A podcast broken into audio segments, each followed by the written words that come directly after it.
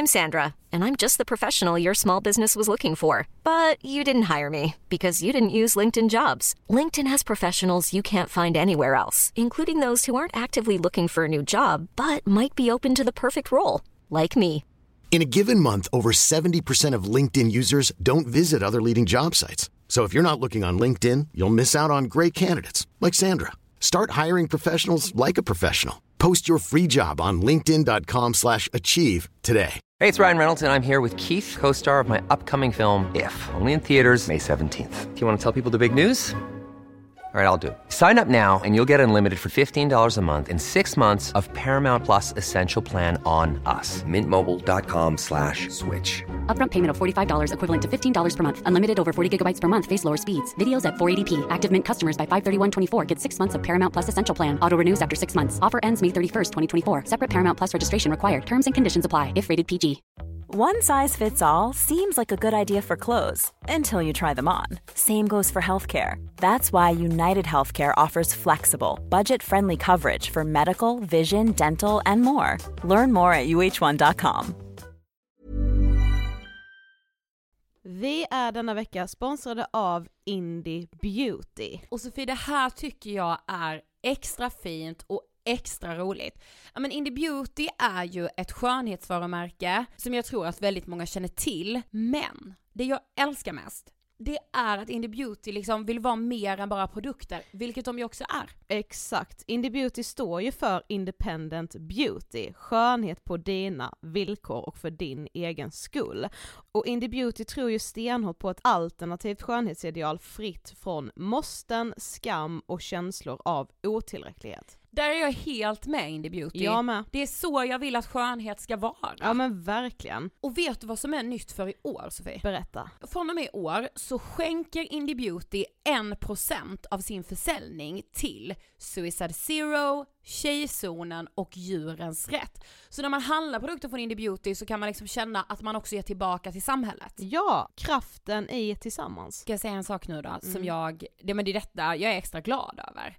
Nu har Indie Beauty tagit fram en keps och den tycker jag ändå så på sommaren, skydda sig från solen, Jättebra, jag älskar kepsen. men det bästa, de bidrar till Suicide Zeros viktiga arbete för att minska antalet självmord och självmordsförsök.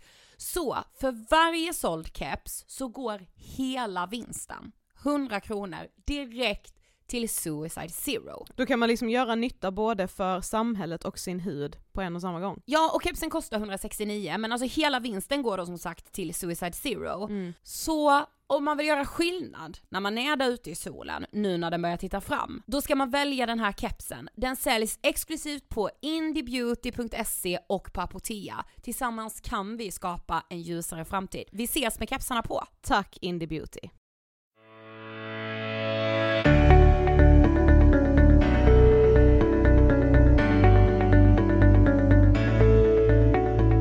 Välkommen till Ångestpodden och återbesöket.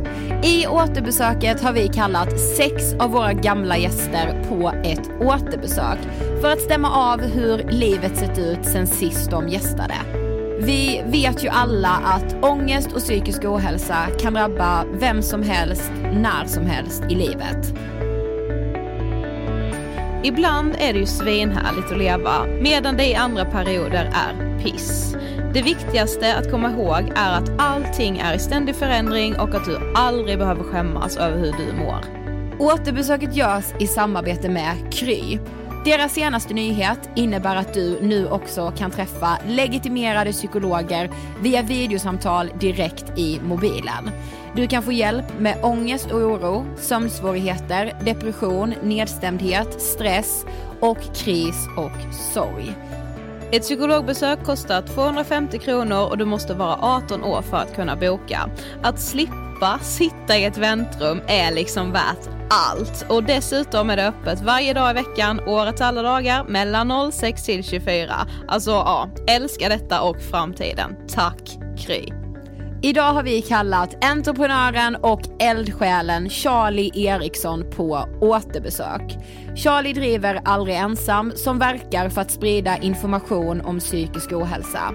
Senast vi poddade var i augusti 2015 vilket resulterade i avsnitt 32 av Ångestpodden.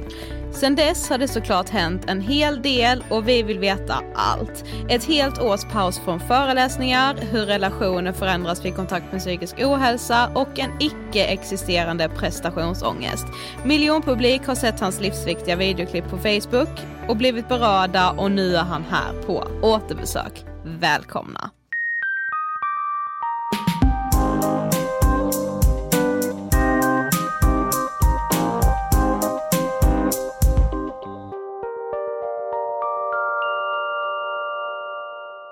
Charlie och hjärtligt välkommen till återbesöket och tillbaka till Ångestpodden! Hej Ida och Sofie, det är superroligt att vara tillbaka! Gud vad härligt med din energi. Nej men vadå, alltså tänk att nu känner vi dig, det gjorde vi liksom inte senast. Nej. Nej, jag hade ingen aning om vilka ni var förra gången så det här blir väldigt spännande. Men vad fick dig att liksom eh, tacka ja till ångest på den första gången då? Nej, jag vet faktiskt inte riktigt. Det, jag har fortfarande inte riktigt kommit fram till varför jag var där men idag känns det mer självklart. Ja det gör det. Det känns mer självklart att vara på återbesök. Ja, och återbesök för mig det är ju lite som när man gick hos eh, psykiatrin där man gick tillbaka till psykologen om och om igen och man förstod inte riktigt varför men sen hade det gjort jättegoda resultat. Så jag tänker att nu är jag här på återbesök och hoppas på att det kommer ge jättegoda resultat att vara här igen. Exakt den anledningen till varför vi bjöd in dig igen faktiskt. Ja, ja men verkligen. Och sen, med, alltså vi pratade om det lite innan att då gjorde vi ju inte detta på heltid. Och att vi verkligen sa till dig så här, vi vill också jobba med psykisk ohälsa på heltid. Ja, Ja men verkligen. Det är för lite då, fint. Då hade jag ju mitt, eller jag har ju fortfarande, men projektet på heltid och jobbade med det och Ja. hela den biten och självklart så skulle ni också landa där eh, ett tag senare. mm, precis. Ja nu sitter vi här hörni. Ja och nu tror folk att detta är vårt jobb. Att det är det här vi gör. Nej men senast du var hos oss så var det augusti 2015. Vilket är så sjukt att det är så himla länge sedan.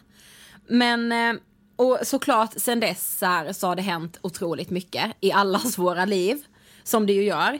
Men då fick du klassikerfrågan, vad tänker du på när du hör ordet ångest? Och vi ska lyssna på vad du svarade då. Jag tänker faktiskt inte på eh, sjukdomsordet ångest egentligen utan mer på den generella ångesten som folk slänger med i vardagssammanhang. Alltså att folk säger ah, när de har varit fulla och varit ute så är det liksom ah, jag har sån ångest för att jag gjorde konstiga grejer och man har ångest inför en tenta och liknande så mer det generella ordet ångest än sjukdomstillstånd. Vad tänker du när du hör det? Det är intressant för jag tänker nog ungefär likadant idag faktiskt. Att det fortfarande har med det här vardagliga begreppet ångest att göra och det här att vi tyvärr många gånger kastar oss med begrepp som urvattnas och tappar sin mening. För ångest är ju faktiskt ett sjukdomstillstånd och det är ju ett, någonting man inte önskar någon. Men så som vi använder det idag så blir det ju urvattnat, tappar mening, man slänger med begrepp och det gör ju också att vi tar psykisk ohälsa på mindre allvar.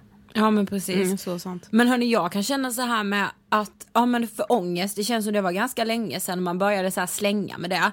Jag kan känna så här på senaste hur man börjar slänga med alltså tyngre diagnoser också. Så här, ja jag är helt schizofren eller ja jag är helt, alltså så här, att man Men jag är typ tiden. deprimerad. Ja. Är ju verkligen Alltså, jag blir grej. deprimerad av det, man bara, Ja. nej. Det tror jag inte du blir. Alltså att det är så sjukt att man börjar slänga med de begreppen, det känns livsfarligt. Ja verkligen, det är ju i princip varje dag hör man någon som slänger sig med begrepp som att man är deppig. Och det leder ju i alla fall för oss som kanske själva varit drabbade och sådär så tänker man ju direkt på depression och det begreppet har ju en helt annan betydelse än att man har varit lite nere en dag. Exakt. Det är ju verkligen en resa i sig att vara deprimerad och gå igenom hela den biten. Mm, Precis. precis. Men jag tror liksom kanske framförallt liksom många som har varit i din situation tänker precis som du. Eh, men hur har liksom ångesten i ditt liv sett ut sen senast du gästade oss? Tänker du på rent eh, om jag upplevt ångest själv eller tänker du mer kring hur jag själv har utvecklats med begreppet? Kanske både och. Ja. Det är spännande, båda grejerna. Ja, absolut. Eh, Ja, för att skilja då direkt på olika begrepp då så eh, panikångestattacker som jag var drabbad av när jag var som sjukast. Det har jag inte haft någon sedan min sjukdomsperiod här 2013. Men däremot ångest, det är klart att eh, det har man ju ibland. Mm. Eh, däremot så är jag väldigt försiktig med att dra på begrepp som ångest och ja, väldigt selektiv när jag väljer att använda det begreppet för mitt mående. Mm. Men självklart så kan man uppleva både prestationsångest och ångest över grejer som har hänt eller grejer som inte har hänt för den delen. Att man får ångest för att man inte gjorde någonting. Mm. Och det kan vara ångest för grejer både privatliv och i arbetet. Mm. Så ångest är ju en följetong och jag tror att när man har varit drabbad av psykisk ohälsa så blir man mycket mer medveten om de här signalerna, symptomen på vad ångest faktiskt är och man känner i ett tidigare skede att det är dags att dra i bromsen och därför så tror jag att jag inte har drabbats av de här panikångestattackerna utan att det stannar vid ångest och det blir ingen attack. Nej exakt. Men det måste ändå vara väldigt, väldigt skönt. För jag kan ju så här, alltså trots att ja, men jag fick panikångest 2011, men jag kan ju fortfarande få panikångestattacker ibland, även om jag vet hur jag ska liksom hantera det. Men när det blir för mycket, ibland är det som att jag glömmer bort den där bromsen. Kan du, kan du känna det ibland att du bara oj, okej nu måste jag verkligen bromsa för nu är det nära? Eller är du väldigt så bra på att känna det fort? Eh, ja, både och. Jag känner ju när det är på gång. Och när det är dags att antingen dra i bromsen eller det kan också vara att eh, ibland en grej som kan trigga mig om jag hamnar i lite trångt utrymme eller sådär. Eller om jag till exempel sätter mig längst in på ett flygplan så kan jag känna direkt så här Oj, här skulle jag inte satt mig för här kan jag inte ta mig ut eller här kan jag inte röra mig fritt eller så.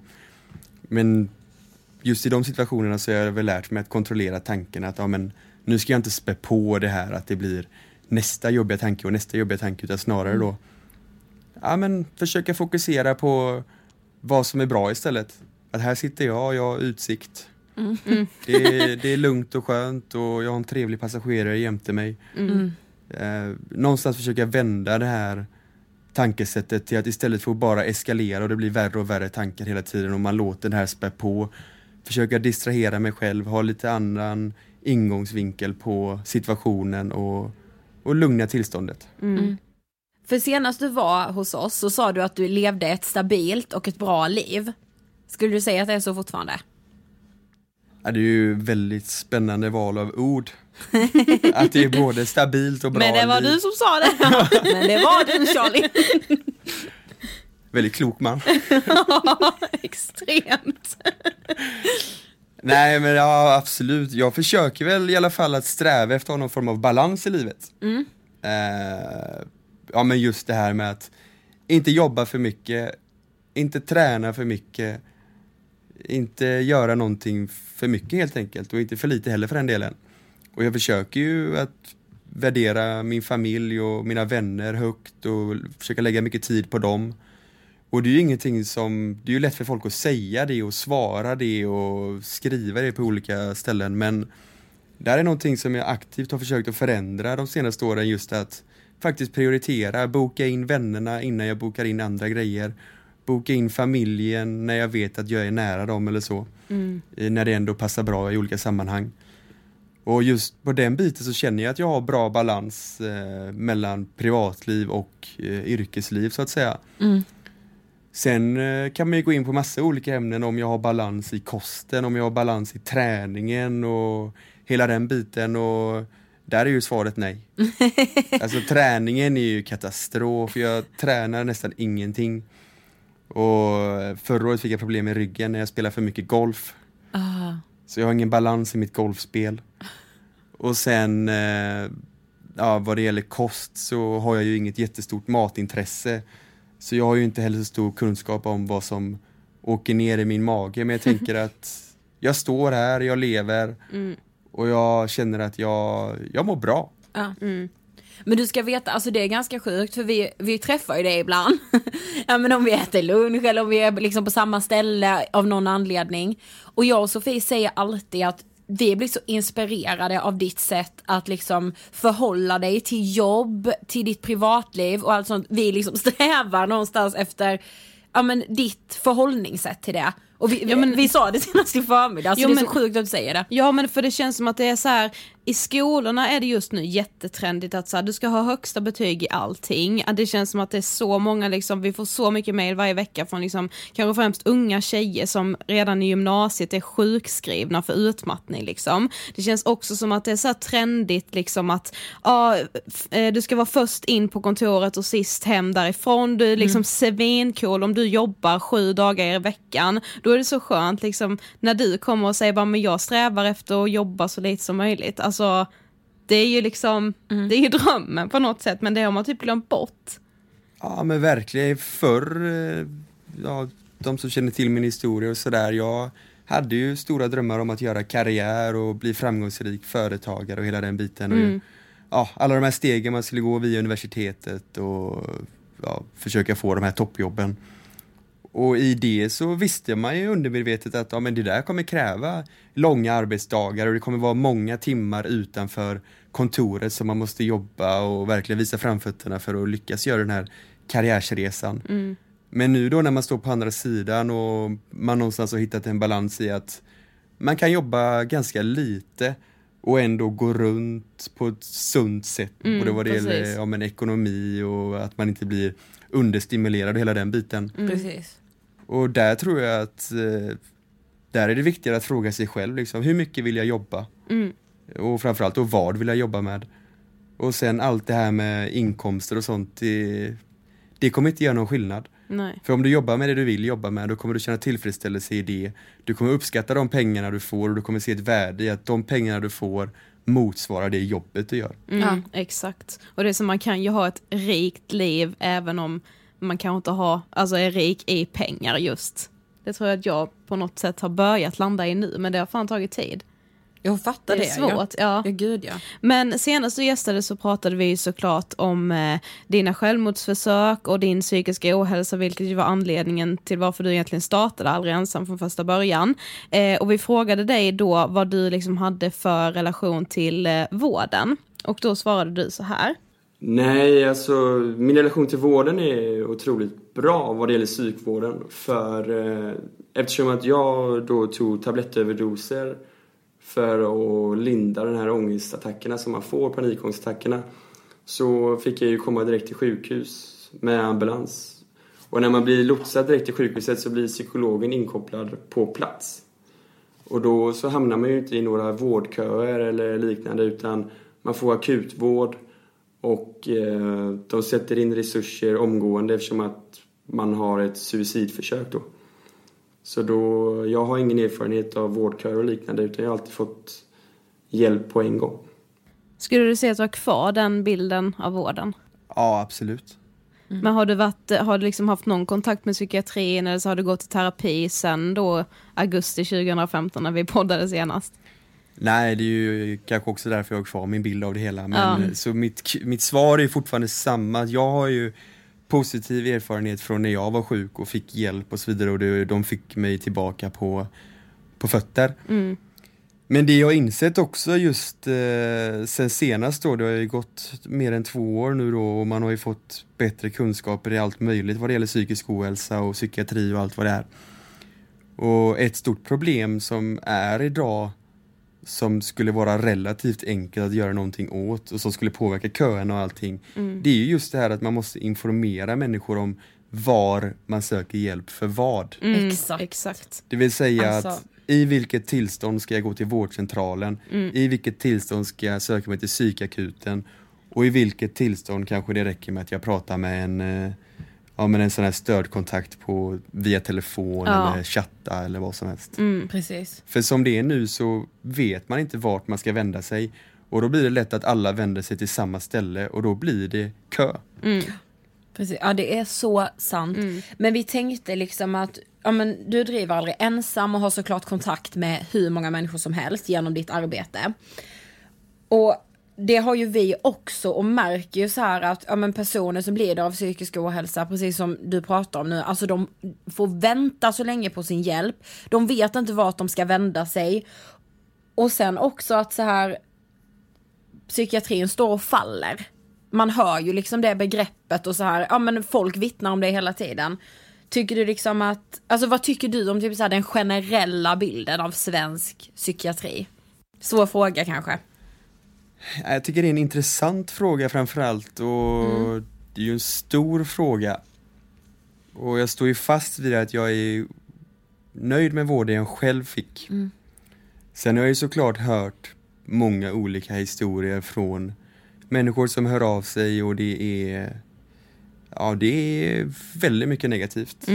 Och det är mycket som har landat i olika köer och det kan vara felmedicineringar och folk som inte har blivit tagna på allvar och ja det finns ju hur mycket olika historier som helst.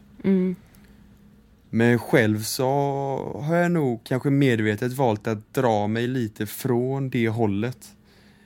Dels med tanke på att eh, jag inte har varken kunskap eh, eller information om exakt hur psykiatrin fungerar i Sverige och sådär. Jag har ingen bild av statistik, ingenting. Eh, och sen även då att allt som har med Aldrig ensam att göra är ju förebyggande arbete. Och eftersom att jag bara arbetar förebyggande genom att utbilda, sprida information och sätta ljus på ämnet så blir ju psykiatrin kanske steg tre då, om man säger att jag är på steg ett. Och där eh, tror och hoppas jag att det kommer finnas eh, av kanske framförallt politiker och eh, ja, men lobbyister, andra organisationer som kan driva på den här frågan och göra psykiatrin bättre. För det är ju ett faktum att psykiatrin fungerar inte Nej. för alla. Precis. Så är det bara. Men det är inte en fråga som jag själv går och arbetar med dagligen utan jag fokuserar på det förebyggande och överlåter det till andra. Men eh, vi var ju faktiskt och föreläste på samma ställe för några veckor sedan. Så då fick vi äntligen se din föreläsning, vilket var väldigt bra och gripande. Eh, och du berättar bland annat där att du eh, att dina vänner och din familj var ett väldigt stort stöd för dig genom din psykiska ohälsa. Eh, skulle du säga att ni liksom kom varandra ännu närmare på grund av din psykiska ohälsa och hur ser er relation ut idag? Absolut. Vi kom varandra, eller vi är, vi är varandra mycket närmare idag kan man ju säga. Och eh, framförallt så tycker jag att vi sänkte trösklarna inom familjen. Nu kan jag ju bara prata utifrån mig själv då. Men jag tycker att vi sänkte trösklarna inom familjen kring att prata om ja, men hur man verkligen mår. Eh, att man vågar ta hjälp av familjemedlemmar om det är något problem någonstans. Ja vi tänkte det, alltså just att vi så bara undrar liksom om, ni, om det blev så att ni liksom nu har lättare att prata om de frågorna. Men då måste man ju också börja i rätt ände och det var ju att innan det här hände så jag pratade ju inte så mycket med mina föräldrar, eller jag är tre bröder då, pratade inte så mycket med mina bröder heller om just känslor eller mer den här abstrakta biten av hur man mår då. Mm, precis.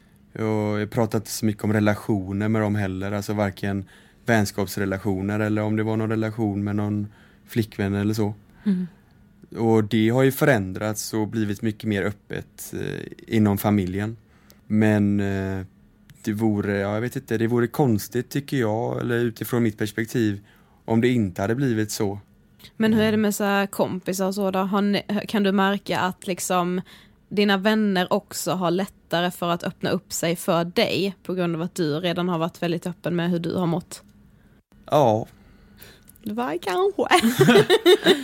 nej men det, ja, ja, det är klurigt. Jag blir kluven just på grund av att jag vet inte om de öppnar upp sig mer för mig eller om de öppnar upp sig mer överlag. Nej.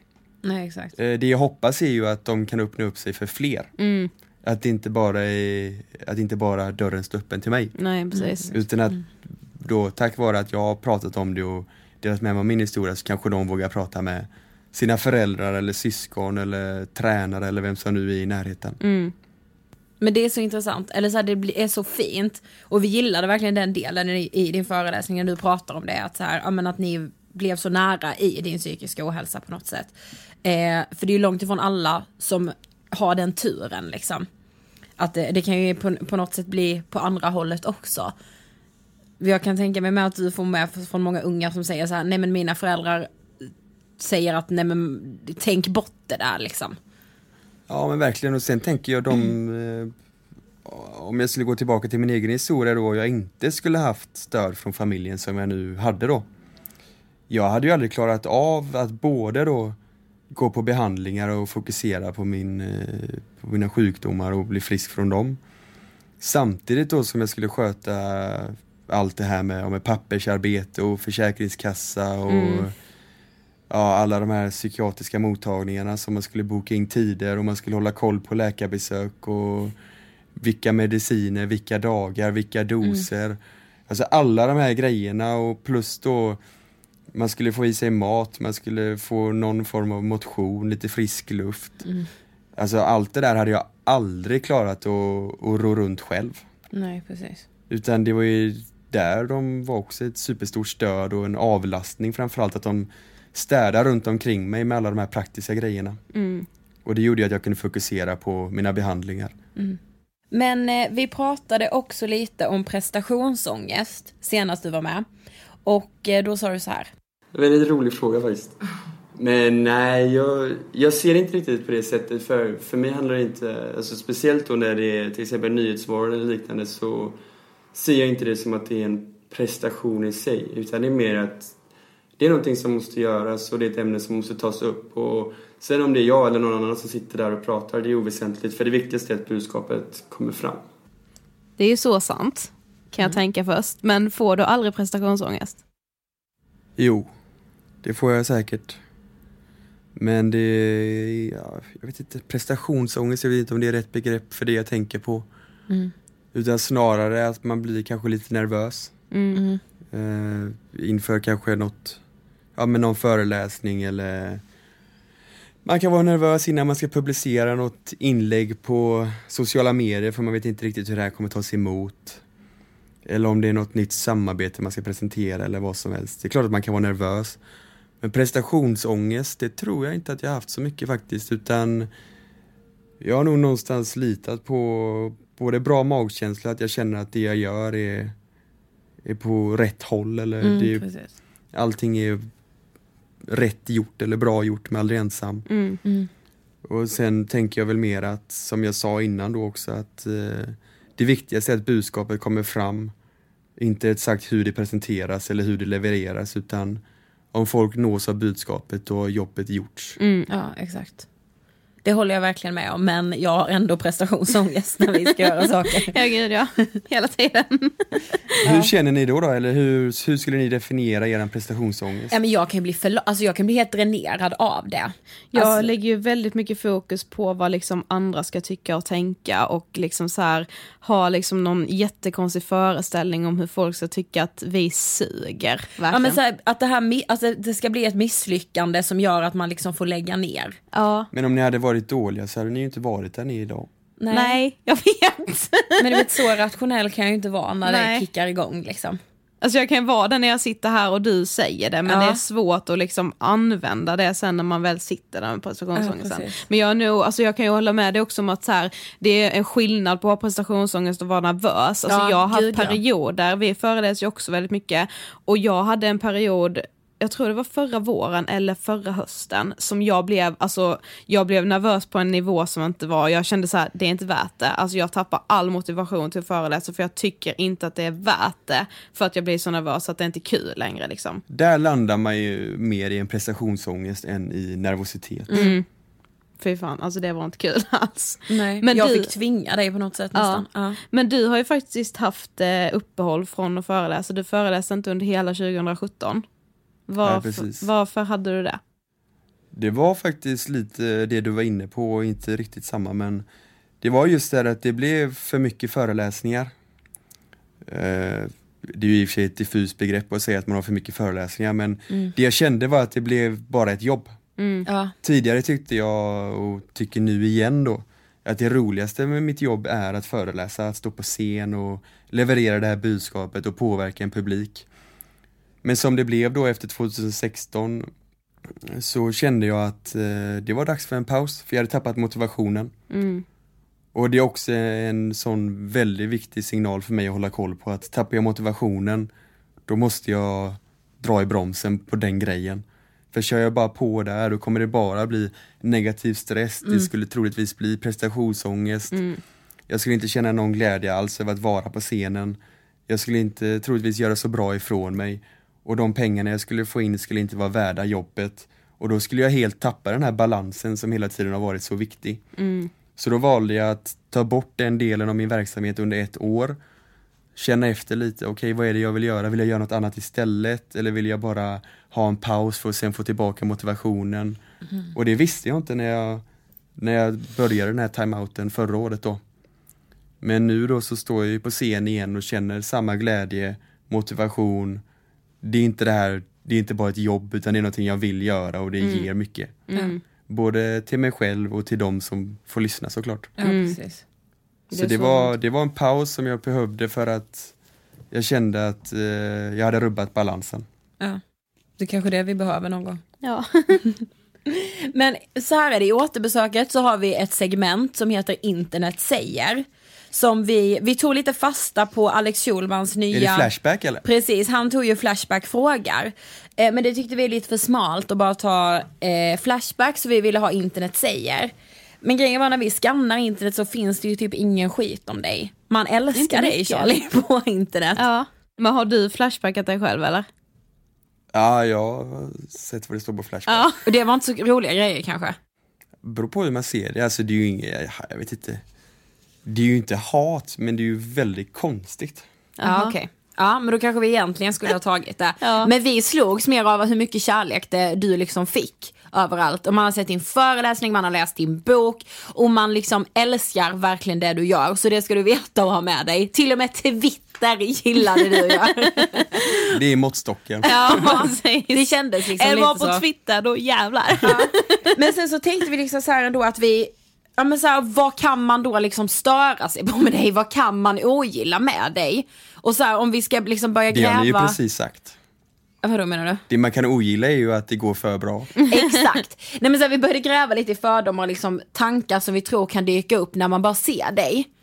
För vi har ju liksom de här förprogrammerade fördomarna, väldigt, väldigt många av oss. Och även det pratade du ju en del om i din föreläsning. För egentligen ser du ut som en stekare liksom, som man inte tror pratar psykisk ohälsa. Har du fått höra det? Eller så här, får du höra det ibland? Ja, mycket i början fick jag höra det. Ja. Framförallt från eh, journalister. Eller ja, mediafolk. Mhm. Det var ofta den vinkeln i artiklar att eh, när de skulle presentera mig i texten då så var det ofta, här sitter en ung kille med bakåt eh, kammat hår, dyr klocka, välstruken skjorta. Ja. Och, Jag tror faktiskt jag läste den, det var något så här, ett dyrare armbandsur på handleden. Ja, det var en helt vanlig klocka. Det. Men det stod det. jag läste den. De ville verkligen att det skulle vara så här. Ja. Ja. Ja, där bakar de in mig i, den, i det facket. Ja, men det, det var det vi tänkte, att det måste ju liksom vara vara så ibland. Men sen från eh, sociala medier så att säga, om man då ska gå in på det. Inte så mycket kommentarer om det. Nej. I början var det lite om så här, ja men vad vet du om ångest och psykisk ohälsa med dina märkeskläder och Ja. hur du ser ut och du som ser så bra ut, du kan inte ha haft några problem och hela den biten. Ja, ja men för vi, fick- när vi släppte Ångestpodden så fick vi säga Ångestpodden kom tillbaka när ni har känt riktig ångest. Mm, som att vi inte liksom visste det för att vi Ja. ser väldigt glada ut eller upplevs må bra för att vi typ har fina kläder. Jag vet inte alls vad det är liksom. Ja, det är, ju- alla kan ju ha en yta. Ja, Ja men precis. Den precis. bestämmer man ju själv, men det är svårare att bestämma exakt vad som händer inuti. Ja men precis. Men det känns ju liksom som en av de viktigaste fördomarna att liksom slå hål på. Så därför tycker jag det är så fett ändå att du, så här, men du kör på din stil och att du har gjort det sen allra första början för att säga men det här är jag men jag kan också må så här. Men var det liksom självklart ändå att bara så här, köra på med? Ja, jag har aldrig tänkt på att eh, på något sätt byta stil eller anpassa mina bilder eller någonting efter vad folk tycker och tänker utan där har ju varit mitt spår och jag kör på det för det här är min kanal och här bestämmer jag. Ja. Sen om folk inte gillar det då får de kolla på någon annans kanal. För det var mitt race som gällde där. Och det är ju det som har funkat och det är det som skapar igenkänningen också. Precis. exakt. Och sen tror jag det har varit viktigt att jag vågat, eller ja, det har ju väl inte varit så jobbigt för mig, men att hålla kvar samma stil och fortsätta på samma spår med de här kläderna, stilen, frisyren och allt vad det nu kan vara som folk eh, har, har åsikter om. För det har ju också visat att ju mer jag jobbar med det här och ju större Aldrig ensam har blivit det, det kommer ju fram mer och mer fördomar och folk liksom, det blir bara mer och mer bekräftat. Mm, exakt. Och då kan man ju också förändra folks syn på det. Mm, Ja. precis. Och fler som ser ut som mig, om man kan säga så då, har jag också vågat komma ut med sin psykiska ohälsa. För det är inte, det är inte så farligt att bli identifierad med mig, har de tyckt då. Mm. Ja, precis. Precis. Men Aldrig ensam har ju såklart varit ett, ett otroligt stöd för väldigt många människor. Och vi ska faktiskt ta och lyssna på två personer som har ja, men, eh, lite hälsningar till dig. Jag vill tacka dig Charlie för att du startade Aldrig ensam, för att du har valt att dela med dig av din historia. Du har skrivit texter som jag alltid känt igen mig i och det i sin tur har gjort att jag känt och känner mig mindre ensam. Texterna har också hjälpt mig i hur jag kan prata med anhöriga för att få dem att förstå min psykiska ohälsa. För detta kommer jag vara för evigt tacksam. När jag skrivit till Aldrig ensam och haft frågor eller liknande så har alltid du, Charlie, svarat och det har känts så oerhört genuint och förtroendeingivande. Det är sånt som gör att det märks att du brinner för det du gör. I april 2015 fick jag mitt Aldrig ensam-armband. Från och till har jag haft på mig det dygnet runt i perioder. Men nu kommer jag inte ihåg senast jag tog av det. Det påminner mig varje dag om att jag klarat mina värsta dagar hittills och jag är aldrig ensam så jag kommer klara denna också. Hur fint! Ja, det var väldigt vackert. Det var från en tjej som heter Sara. Och här kommer jag till. Hej Charlie!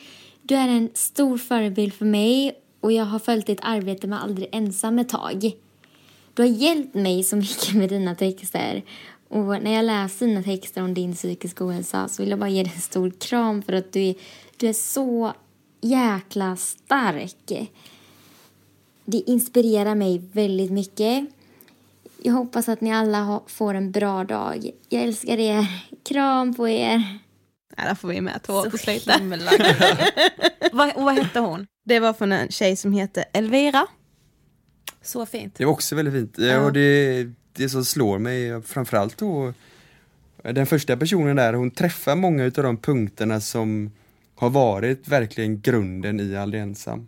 Mm. Det här med igenkänningen i texterna, att på något sätt försöka skapa ett språk, ett vokabulär som alla som är drabbade kan använda. Mm. För det är ju inte alla som har kunnat sätta ord på sina känslor eller så, kanske inte haft de här orden riktigt som beskriver vad de känner. Men där är ju många som har hört av sig att ja men precis de här orden som du säger, är de jag har saknat och nu kan jag berätta det för min ja, men läkare eller psykolog eller vad det nu än är för något. Mm. Och även självklart den här gemenskapen att ja, men, nu vet jag att jag inte är ensam om det här och det handlar inte bara om att, om att jag har mina historier och mina texter utan att i, eller på den här Facebook-sidan då så är det ju så otroligt många människor som har mötts i Mm. det här och som hjälper varandra i kommentarsfälten och ja, blivit vänner för livet och hela den biten och stöttar varandra. Mm. Och det är väldigt starkt när man, eh, jag, vanligtvis så får jag ju bara läsa sådana här grejer. Mm. Men det är mycket mer personligt och starkt när man får höra det. Mm. Och det blir något helt annat för då, då blir du ju en person. Ja men Precis. exakt. Det är så lätt att glömma bort det på något sätt när man bara läser. Alltså, Ja. ja. Allt är personer. Mm. Ja, så himla fint. Men alla som kommer till återbesöket har vi, eh, ja men vi har så valt ut fyra ord, alla får samma ord. Och sen vill vi att, eh, ja men du ska beskriva vad du har för relation till det ordet eller vad du liksom känner inför det. Och vi börjar med panikångest. Då tänker jag mycket på min egen eh, sjukdomshistoria och de panikångestattackerna som jag hade som var väldigt kraftiga och vad det ledde till. Mm. Flera självmordsförsök. Samtidigt som jag känner att idag är jag inte rädd för begreppet utan jag kan hantera en, en ångest så att säga innan det blir en ångestattack. Så det är ett ord som väcker mycket känslor men inte rädsla. Stress. Vad betyder det? Ja, vad betyder det? Nej, men stress eh, Det var länge sedan jag kände mig stressad Faktiskt Och det beror väl mycket på eh, Att jag har den här balansen som jag hittat någonstans Att jag inte jobbar ihjäl mig utan Hela tiden försöker ta Även planera in tid för att ta det lugnt och Göra grejer som ger mycket energi och glädje Mm. så jag tror inte jag minns senast jag var stressad. Och då menar jag självklart inte, det kan ju vara så här om man är lite sent till till eh, någon transport till något tåg eller så Mm. men liksom verkligen den här stressen om man pratar om nästan sjuk stress. Mm. Eh, Kan inte ens minnas senast utan det var nog när jag var, innan jag blev sjuk då. Vi pratade lite om det här innan, men prestationsångest. Ingenting jag direkt upplever utan eh, snarare någon form av nervositet. Eh, eller ja, nervositet hör ju ihop med att man känner att någonting gäller någonting, att nu är det någonting på gång här, nu gäller det att tagga till. Men prestationsångest, nej. Sista ordet då, och det kan ju med vara så här, ja det beror på hur man tolkar det, men lycka. Lycka för mig är att äga min egen tid. Att hela tiden kunna bestämma vad jag ska göra varje dag. Att om jag vill så kan jag avsätta en hel dag till att vara med mina bröder eller mina föräldrar eller nära vänner. Och för den delen om jag vill det så kan jag avsätta en dag till att bara sitta och jobba. Men att kunna bestämma över min egen tid och aldrig vara styrd av att någon annan bestämmer min tid så att säga. Det, det är lycka för mig. Det är livet. Relaterar. ja, verkligen. Tack så jättemycket för att du ville gästa återbesöket. Tack själv, jag ser redan fram emot nästa återbesök. Bra, jag tänkte fråga dig, kommer du på återbesök igen om vi kallar dig? Vad ska det heta då? Ja, det får vi se. Ja, det är Det hemligt. Inläggningen kanske. Nej men usch. Nej men jag vet inte, något sånt kanske. Men behöver, nu vet jag inte om det är record eller off record, men behöver inläggning vara negativt? Nej, Nej, det behöver det du Det kan inte. ju faktiskt vara någonting bra. Ja, sant. Ja, ja. Hej då. Hej då! Vi hörs.